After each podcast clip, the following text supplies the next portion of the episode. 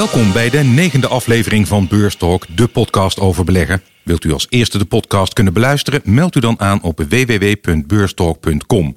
In de wekelijkse podcast bespreek ik, Rob Jansen, met mijn gasten de relevante ontwikkelingen op de financiële markten.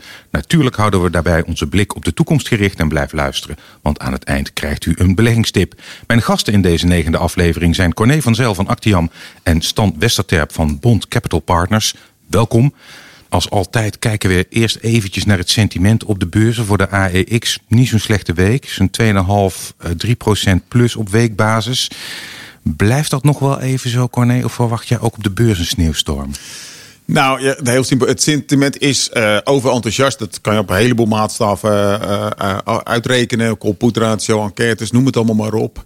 En op wat voor manier je het ook bekijkt, daar word je wel wat voorzichtig. Maar je moet je afvragen, zit je dan in 1999? Hè, als je wat langer meegaat, net zoals Stan en ik, dan hebben we dat al eerder gezien. Of jij ook, Rob. Ja, zeker. Of zitten we al in augustus eh, 2000 en in september 2000 werd het hoogtepunt in de AIX neergezet. En dat, dat weet je dus niet. Zo'n bubbel kan veel langer gaan, doorgaan. En of het een bubbel is, kan, moet je ook afvragen. Maar scherp stijgende koersen kunnen veel langer doorgaan dan dat je van tevoren ooit voor mogelijk hebt gehouden. Hoe zie jij dat, Stan? Ik ben het volledig met Corné eens. Ik zie in bepaalde sectoren echt uh, gekte. Inderdaad, een beetje refererend aan de dotcom-bubbel uh, eind jaren 90. Maar de vraag is, zit je inderdaad in 1998, gaan we nog twee jaar door? Of, eh, of, of gaat die bubbel een keer uiteenspatten? En er is een hele grote discrepantie, wat we toen ook zagen... tussen waarderingen inderdaad in, in, in, in, in grote groeibedrijven, laten we het zo maar even noemen... Hmm. En uh, gewoon waardebedrijven, oude economie om het zo maar te noemen. En uh, ja, ik ben het wat dat betreft met Corné eens. Um, de echte gekte, ook in oude economie, lage rente, uh, herstel van, uh, van economisch potentieel, zeker aan het einde van de lockdowns. Het kan nog wel een tijdje doorgaan en we kunnen nog vele hogere koersen zien als die ook nog mee gaan doen. Ja. Het is net binnen, dus uh, ik kan er niet, een, niet meer dan een eerste reactie over vragen. De Amerikaanse banencijfers. Er was verwacht dat er in januari 105.000 banen bij zouden komen en het zijn er maar 49.000 geworden, Corné. Geschrokken?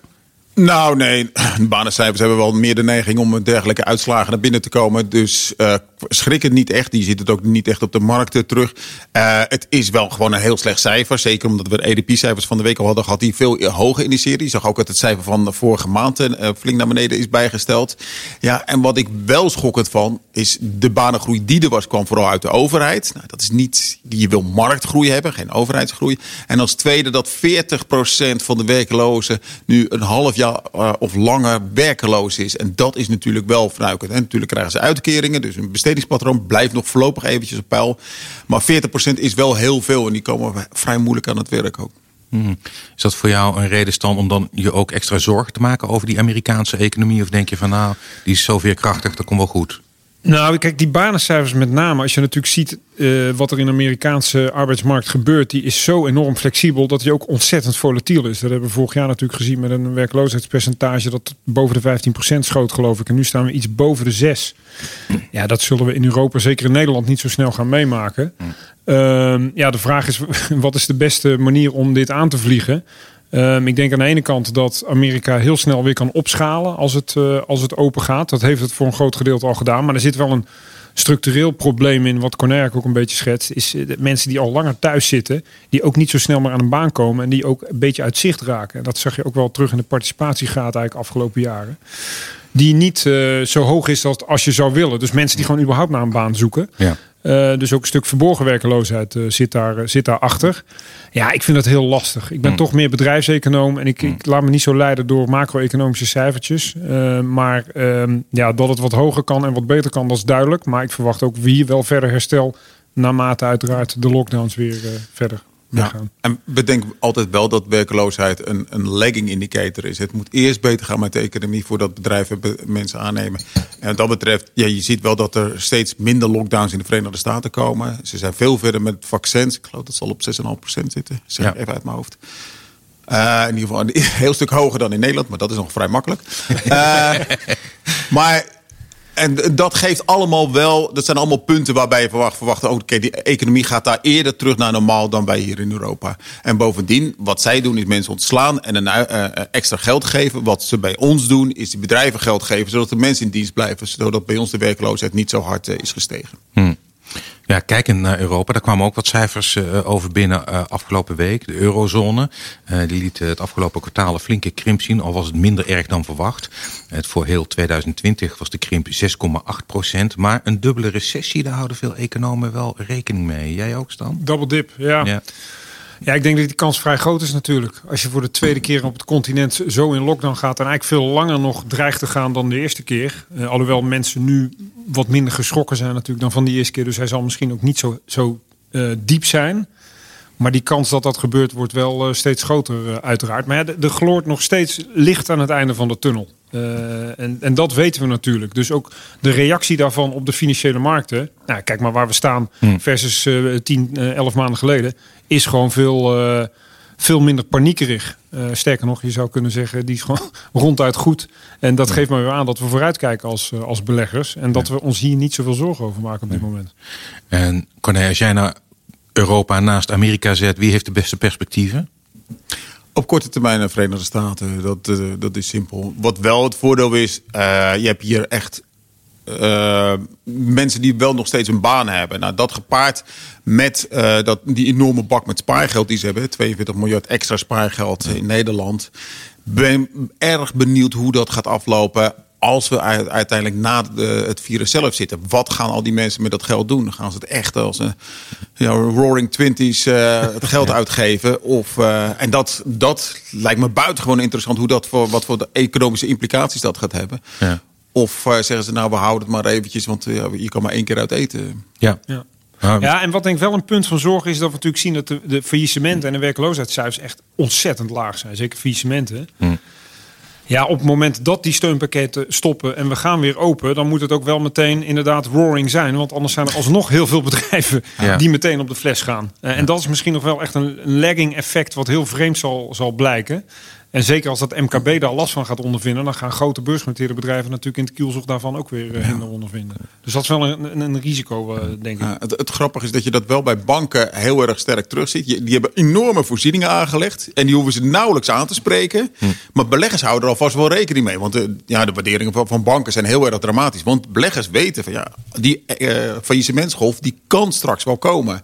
Dus ja, beleggers hebben daar eigenlijk al helemaal op vooruit gespeeld.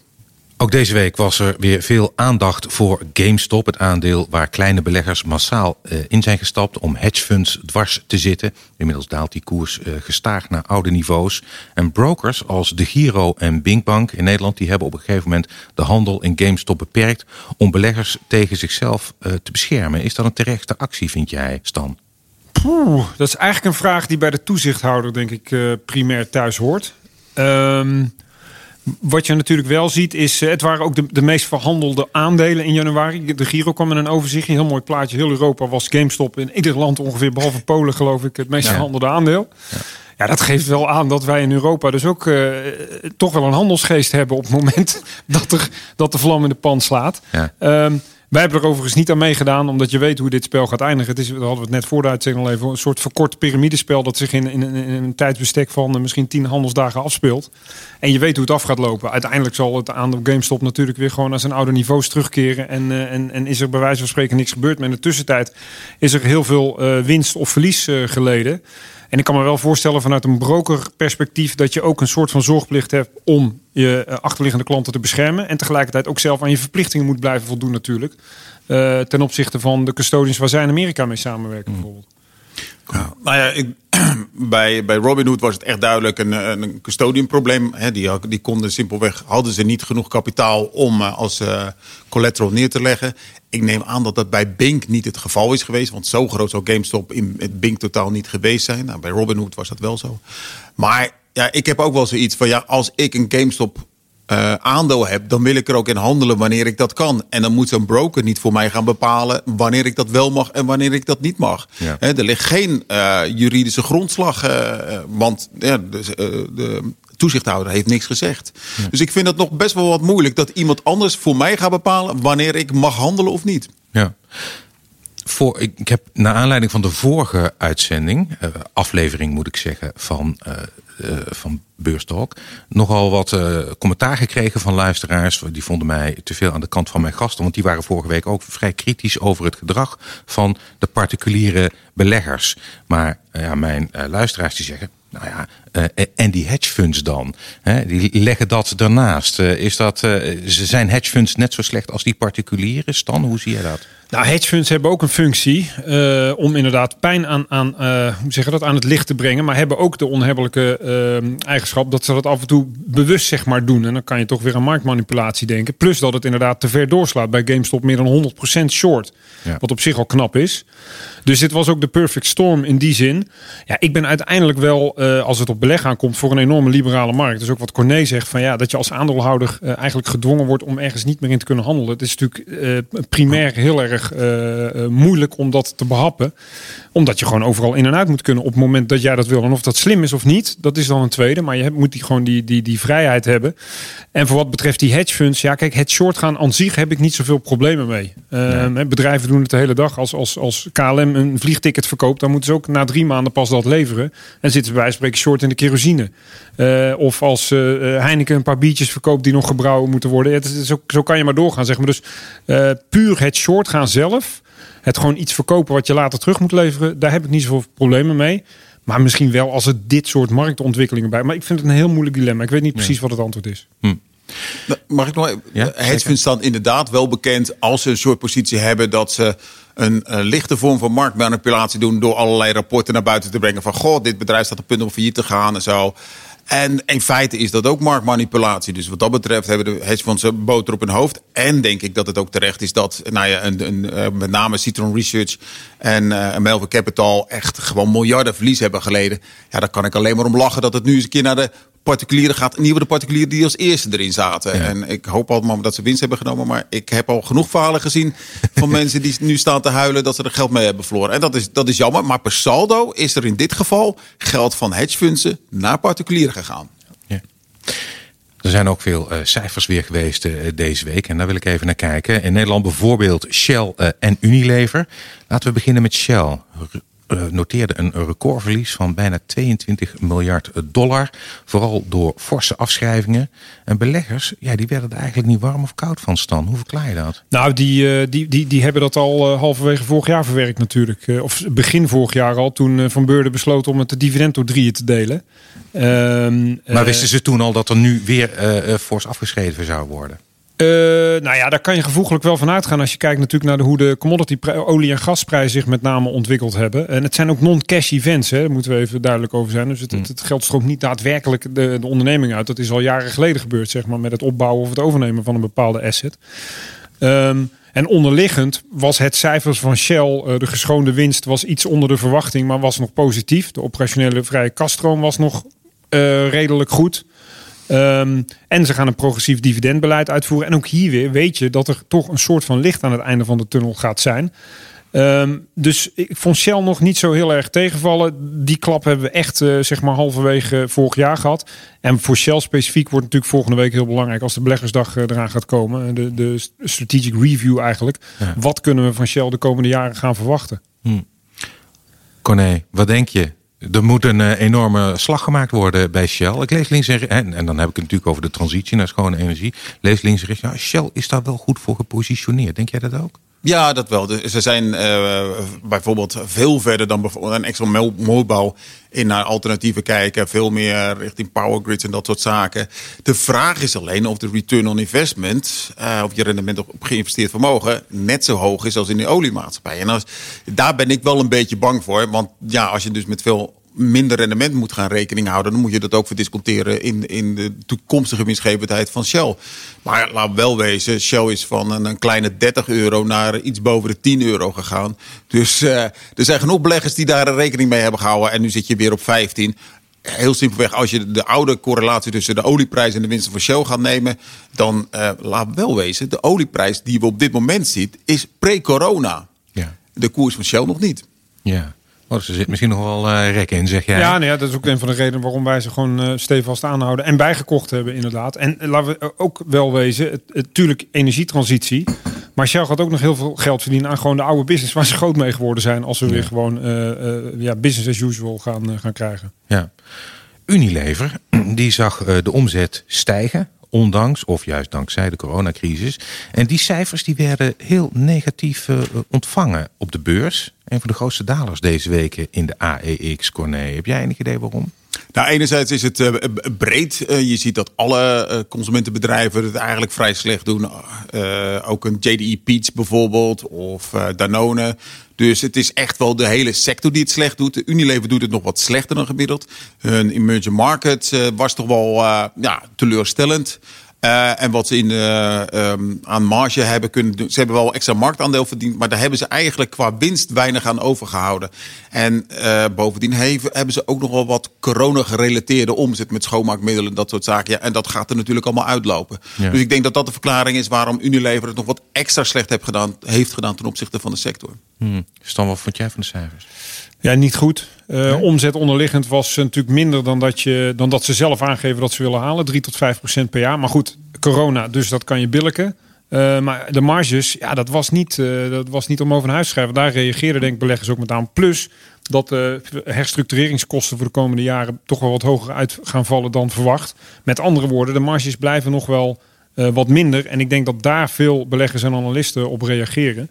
Uh, en dat je inderdaad ziet dat er een soort van reset is qua winstgevendheid voor, uh, voor Unilever. En er zijn nog wat vraagtekens. Hè. Wat gaat er met de T-divisie onder andere gebeuren? Uh, misschien nog wel wat andere divisies waar, waar ze strategische reviews mee bezig zijn. Ellen Job wilde daar niet te veel over uitweiden deze week. Um, maar ik denk wel, je ziet wel dat het populair is tegenwoordig om weer divisies, business units te gaan afsplitsen om daar wat meer waarde uit te halen. En dan heeft Unilever ook nog wel een paar, uh, paar onderdelen die wellicht eens een keer in de verkoop kunnen gaan. Hm, maar dan zou het misschien wel weer een mooie kans zijn uh, om, uh, om erin te stappen. Als de T-divisie eruit gaat en inderdaad ook een divisie met beauty producten is iets ja. van 600 miljoen omzet. Ja. Nou, wat je vaak ziet is dat uh, individuele bedrijven op eigen basis vaak een stuk verder kunnen, een stuk slagvaardiger zijn dan uh, onder de vleugel van zo'n grote uh, conglomeraat. En ik moet zeggen, kijk maar eens naar Philips. daar hebben we NXP en ASML gezien onder andere. Ja. Die daar toch wel een stuk beter uitgekomen zijn dan onder de Philips vleugels. Ja. Sterker nog, die zijn allebei... Die, ja, die zijn meer waard dan het oorspronkelijke bedrijf. absoluut als we kijken, en het is natuurlijk niet alleen in Nederland waar de cijfers zijn geweest, er zijn heel veel cijfers geweest, onder andere van Amazon uh, deze week. Voor we daar naartoe gaan, moeten we het eerst even hebben, denk ik wel, over het vertrek van Jeff Bezos. Lijkt me wel het eind van een tijdperk. Vertrek zeg ik, maar hij treedt af als CEO. Aan de andere kant blijft hij wel betrokken op de achtergrond. De nieuwe CEO wordt Andy Jassy, uh, nu nog de baas van de clouddiensten van Amazon. Wat wordt zijn belangrijkste uitdaging, denk jij, Stan? Hmm. Nou, de groei vasthouden, denk ik. Want waar Amazon natuurlijk uh, groot mee is geworden, is door maar te door blijven groeien, blijven groeien, blijven groeien. En met name Bezos was natuurlijk omzet eerst, winst tweede plan. En dat heeft hij ook jarenlang uh, volgehouden. Uh, om maar marktaandeel te veroveren en door te innoveren. Um, en de vraag is of met het vertrek van Bezos inderdaad die groei vastgehouden kan worden. Moet ik wel zeggen, die, die cloud afdeling, de, de, of de web services, uh, um, uh, dat onderdeel van Amazon is wel het meest winstgevende onderdeel. Uh, dus de beste man die hem opvolgt is, is, geen, is niet van gisteren, zeg maar. en Bezos blijft inderdaad op de achtergrond aanwezig. En ik denk als je een goed innovatief bedrijf hebt, kijk naar Steve Jobs die in 2011 geloof ik overleed. Apple is tien jaar lang doorgegroeid. Als de, als de basis van het product of dienst maar goed is, dan kun je daar nog jarenlang van profiteren. Dus jij dat konijn. Ja, nou meneer Jesse wordt ook wel de brain double van uh, Jeff Bezos genoemd. Dus wat dat betreft zegt het eigenlijk wel genoeg. En ja. Jeff Bezos blijft gewoon zijn 10% aan, uh, aandelen houden uh, van het bedrijf. Dus dat zijn een paar grote dingen. Maar inderdaad, je hebt zo'n fenomenale groei gehad. En pas de afgelopen twee jaar komt daar echt de winst uit spuiten. Uh, en, en, dan zie je ook die winstcijfers uh, bijna exponentieel omhoog gaan. Maar met 45, 55 keer de verwachte winst uh, gaan beleggers daar ook wel vanuit. En zullen ze dat ook moeten gaan leveren. Ja. Dus wat je gezien hebt is pas de afgelopen twee jaar dat ze wat meer ook op de winst zijn gaan focussen. Maar die groei op deze, in dit tempo vasthouden, dat zal nog een hele klus worden. Dat, ja, nou ik zag wel al dat in het laatste kwartaal, net als Apple, Amazon nu meer dan 100 miljard dollar omzet heeft gemaakt in één kwartaal. Dus het, uh, er zit misschien nog wel. Het is uh, mooie business. Het is mooie business, ja. ja. um, als we kijken naar de cijfers van Alphabet, eigenlijk Google zeg maar even, Corné. 56 ehm, miljard dollar omzet, dat klinkt dan heel weinig, maar vond je ervan? Ja, nou je zag eigenlijk geen reactie daar zo, in tegenstelling tot wat we bij Amazon hebben gezien. Hm. Uh, Amazon was natuurlijk al eerder. Uh, sorry, Alphabet liet wel reacties in 18% year to date. Um, de cijfers waren op zich goed. Ik zie wel een paar grote risico's. Je ziet dat Apple nu gaat komen met een, een anti-tracking uh, systeem op de iPhones. Ja, dat gaat natuurlijk. Dat is een, een drama voor, uh, voor Alphabet. dus die mooie cijfers zijn leuk. Maar dit soort risico's dat er gaan komen. Je gaat het risico van opbreken hebben. wat denk ik nog steeds de, daar is. Uh, hogere belastingen, dat ze een keertje normale belasting gaan betalen. De mediaruzie die ze hebben in Australië vind ik ook nog wel een item. Dus ik vind dat uh, uh, beleggers erg enthousiast reageren. Terwijl alle risico's die er overal eigenlijk opploppen in de hele wereld... Eh, zeker nog aanwezig zijn. Zie jij dat, Stan? Ja, dat is een van de weinige keer dat ik het niet eens ben met Corné, ah, denk ik. Mooi. Ik vond de cijfers van Alphabet echt waanzinnig goed. Groei van de Google Cloud plus 45%, YouTube plus 45%, search weer helemaal terug, omzetgroei plus 23% vierde kwartaal. En waardering uh, ten opzichte van een Amazon, ik geloof 30 keer de kaststroom, waar Amazon op 80 staat als ik me niet vergis. Dus van die grote tech jongens is, is Google nog relatief uh, laag gewaardeerd. Onder andere vanwege de problematiek waar, uh, waar Corné aan refereert. Maar het opsplitsen bijvoorbeeld van Google nou, we hebben het net al over verkopen van business units. Om meer waardering eronder uit te halen. Het zou best wel eens zo kunnen zijn dat de onderdelen veel meer waard zijn dan het geheel. Maar goed, dat terzijde. Um, de ruzie met Apple. Dat geldt ook met name voor Facebook. Die onder andere Mark Zuckerberg heeft gezegd: Apple zien wij steeds meer als een van onze grote concurrenten. Ja, dat is iets dat, dat gaat uh, ja, de kom het komende jaar inderdaad uh, spelen. We moeten zien hoeveel dat echt van de winstgevendheid of, of de omzet gaat, uh, gaat afhalen. Uh, maar ik was uh, de cijfers van Google aan zich, en trouwens ook van Facebook de week daarvoor geloof ik. Ja. Uh, ja, die waren gewoon echt wel crescendo. En als je kijkt naar die twee specifiek, die hebben het best wel zwaar gehad. Maar relatief gezien zijn die nog ondergewaardeerd ten opzichte van hele andere grote technologie-spelers. Ja.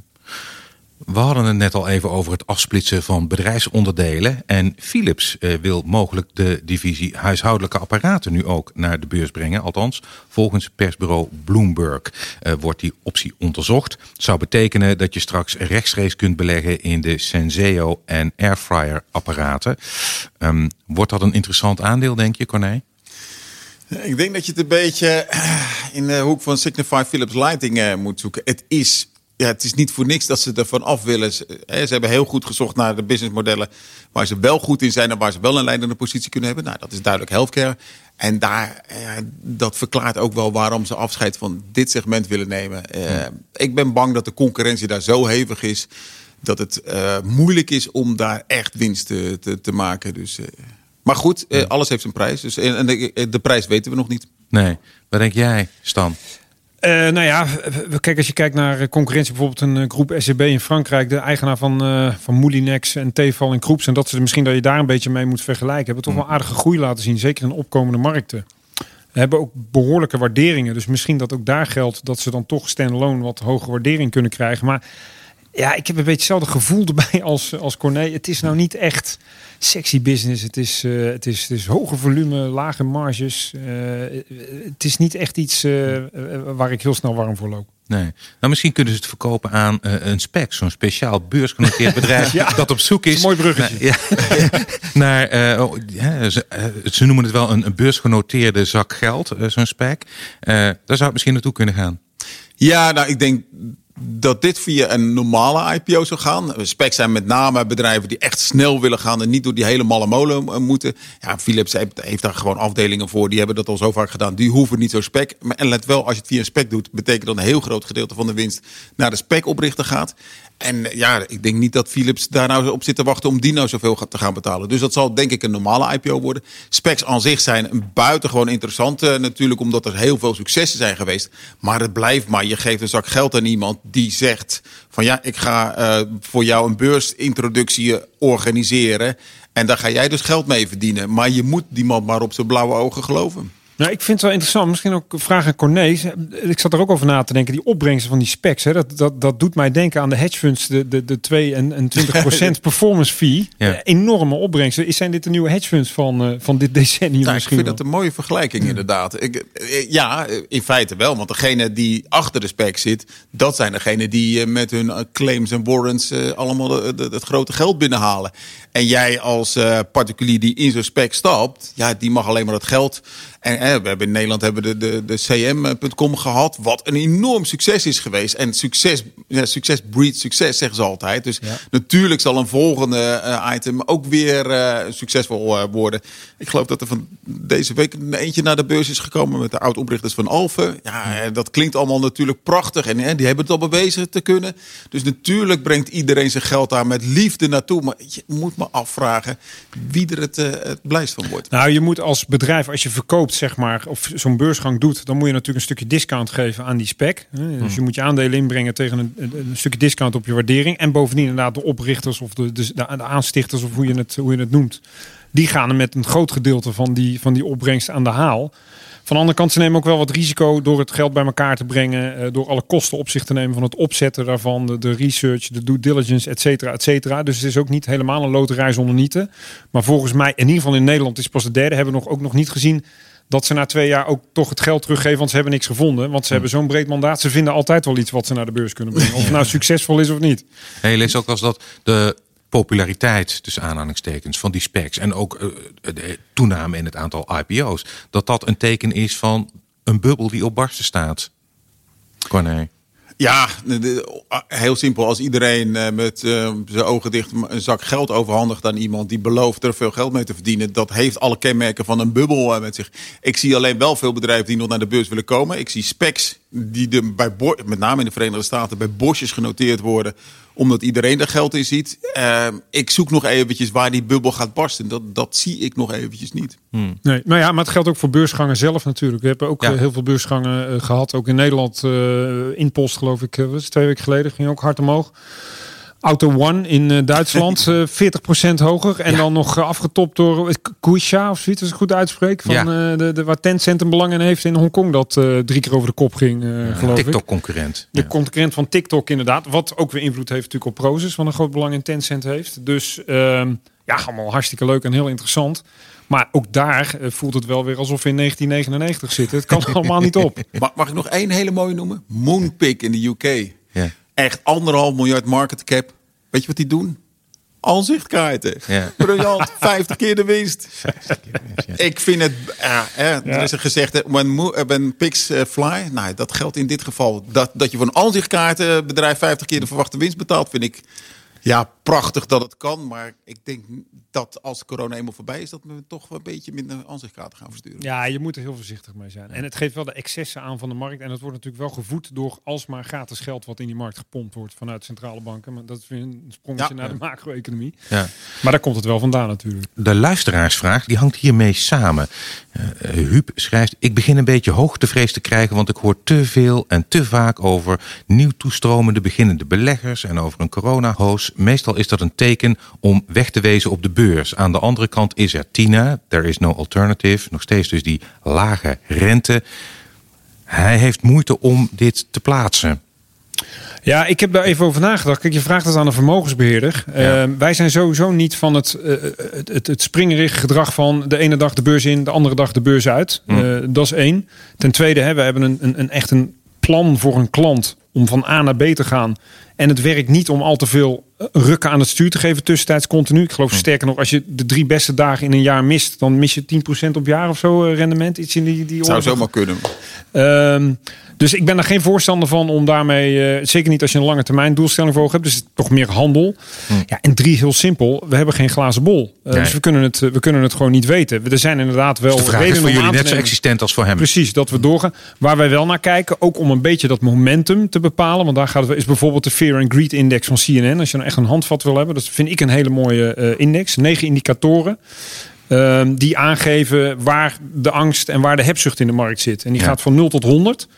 En dat ding slaat echt af en toe in maart. Zat die dik onder de 20. Nou, dat was eigenlijk het moment van, oh jongens, vaak duurt dat niet al te lang. Zeker niet in, in, in deze markten waar nogmaals veel ondersteuning is. Maar hij slaat ook wel eens uit naar dik boven de 90. Ja, dan moet je wel even voorzichtig gaan zijn. Hij staat nu op 56. Maar ook dit ding is vrij volatiel. Maar je kan daar wel een beetje uh, aan afzien van uh, wanneer er een soort van oververhitting of onderverhitting in de markt is. Ja. Ik zag ook in de luisteraar vraag dat hij eh, vroeg of, of hij met een trailing stop moest werken. Dus ja. een trailing stop is een stop waarbij je aandelen gaat verkopen die er iedere keer een beetje omhoog meeloopt. Zeg maar met het uh, voortschrijdend gemiddelde mee. Ik denk dat dat een hele goede is. En dan zou ik je stop niet te ver onder je huidige koers leggen, maar gewoon een, een goede marge. Zodat je toch meegroeit. En als die bubbel uiteindelijk klapt, want hey, we, zoals dan net al zei, we weten niet of we in 99 zitten of in 98 of in 2000. Uh, en dan ga je toch gewoon met, met de alle stijgende waardering mee. Want iedere nieuwe belegger die er binnenkomt, betekent nieuw geld. Dat betekent hogere koersen. En inderdaad, er is no alternative. Je wil het ook niet in Duitse obligaties tegen min een half procent stoppen. Dus met zo'n trailingstop werken denk ik dat het heel goed is. Maar zou wel de marges dan vrij breed houden. Dat je niet bij iedere correctie gelijk uitgestopt wordt. Ja is nog een andere vraag, maar die is op het laatste moment eh, binnengekomen over Bayer. Ehm, daarvan weten we dat ze uh, weer een schikking hebben getroffen van 2 miljard dollar in verband met mogelijk kankerverwekkende stof in het middel Roundup. Ja. Ehm, en mijn, mijn vooruitlopend op de jou gevraagde tip. Ja, ja. ja. Mijn tip van, uh, voor deze keer is inderdaad ligt in, die, uh, in eigenlijk de farma-industrie ja. qua waardering. Maar ook zeker waar triggers in zitten. Waardoor het omhoog kan gaan.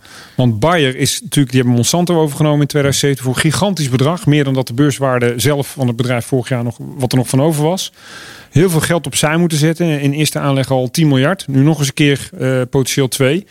Maar uh, heel veel onzekerheid rondom dat glyfosaat Roundup verhaal. Uh, dat wordt wel weggenomen. En dan zie je dus, hey, dan gaan we weer naar de waardering kijken van het bedrijf. Wat gebeurt er? Prompt 6% omhoog. En vandaag geloof ik weer een procent of 4 erbij. Ja. Want het stond op een gegeven moment op 6, 7 keer de winst. Ja. Nou ja, ga dat eens vergelijken met de andere waarderingen die we elders in de markt zien. Dan zie ik nog wel upside. Wat in principe uh, traditioneel gewoon een goed, solide, degelijk Duits bedrijf is. Hoe zie jij dat, Corné? Nou, ik ben erg voorzichtig met bedrijven die maar claim na claim na claim krijgen. Ik, ik moet nog eens aan SBM Offshore denken. Die iedere keer dan dacht je van, nou, oké, nu is het voorbij. En dan na een jaartje kwam er weer een nieuwe claim en een nieuwe boete. En, en daar ben ik ook in dit geval een beetje bang voor. Dus ik ben er wat huiverig voor. Zonder te veel naar de business case aan zich te hebben gekeken. Ja. We zijn inderdaad aangekomen bij het moment de tip voor de luisteraar. Uh, Stan, je maakte een bruggetje via Bayer. Is dat ook de tip of heb je een ander? Nou, in, meer, uh, misschien wat breder getrokken. Ik denk dat de, de farma-industrie op dit moment, als je naar, puur naar waarderingen kijkt, eh, extreem interessant is. Zeker Europese pharma. Uh, die hebben het moeilijk. Uh, de koersen staan echt op lage niveaus. kijk bijvoorbeeld ook eens in Engeland naar een GlaxoSmithKline of een, in Frankrijk een Sanofi. Um, en er zijn wel wat triggers te verwachten waardoor die onderwaardering eruit komt. GlaxoSmithKline is bijvoorbeeld bezig met een, uh, die gaan over waarschijnlijk anderhalf jaar hun healthcare divisie afstoten, wat ze samen met Pfizer in een joint venture hebben gebracht. Nou ja, de healthcare uh, staat standaard wat hoger gewaardeerd dan de pharma op dit moment. Bovendien zit je in Engeland, waar het natuurlijk niet helemaal lekker loopt. Er zijn veel beleggers denk ik toch internationaal weggelopen. Het pond heeft het afgelopen jaar niet goed gedaan. Je krijgt bijna 6% netto dividend, want er is geen dividendbelasting in Engeland. Dus er zit wel wat, uh, wat cushion in. Ik denk dat dat, zeker als je bang bent voor het oververhitten van de markt zeg maar, aan de technologiehoek, dat dat een inter interessante kant is van de markt om, om naar te kijken. Corné, wat is jouw tip voor de luisteraar? Nou, ik heb er eigenlijk twee. Een hele snelle is dat eh, als je naar die bubbels gaat kijken van een gamecorp en je bent heel erg in de eh, Amerikaanse markt en in opties, zou ik zeggen, als een bubbel klapt, dan zit er nog zoveel van die lucht in zo'n bubbel dat die er ook nog uit kan lopen. Dan moet je er wel snel bij zijn. Dus als je naar het klappen van de bubbel in Gamecorp of in Signal Advance gaat kijken, nou ja, als je nog eens een keer zoiets ziet, koop dan een, een put optie na het klappen van de bubbel. Uh, want dan zit er nog genoeg eh, lucht in wat er ook nog uit kan lopen. Maar dat is echt heel specifiek. In bredere zin hebben we net gezegd dat bijvoorbeeld bij, bij Shell dat de, uh, alle oliemaatschappijen eigenlijk achterblijven bij de huidige olieprijs. Als je dan gaat kijken, je kan het ook heel breed doen. Dan zou ik bijvoorbeeld een hele oliegerelateerde markt nemen, zoals Rusland. Dus een, een index tracker op Rusland lijkt me in dit geval wel erg interessant met een koers-winstverhouding van bijna niks. Oké. Een index tracker op de Russische index op de Russische beurs. Oké, nou dan moet je me na de uitzending even een uh, tickersymbool uh, geven. Dan uh, kan ik dat ook delen met de luisteraar. Hartelijk dank, Corné van Zeil van Actiam en Stan Westerterp van Bond Capital Partners. Dit was de negende aflevering van Beurstalk. Dank voor het luisteren. Als u wilt reageren of een beleggersvraag heeft voor mijn gasten, mail dan naar rob.beurstalk.com en graag tot volgende week. Deze podcast verwoordt de inzichten van mijn gasten, niet die van de presentator Rob Jansen. Het is geen beleggingsadvies. Verdiep u in de risico's van beleggen voordat u eraan begint. De waarde van uw beleggingen kan fluctueren. In het verleden behaalde resultaten bieden geen garantie voor de toekomst.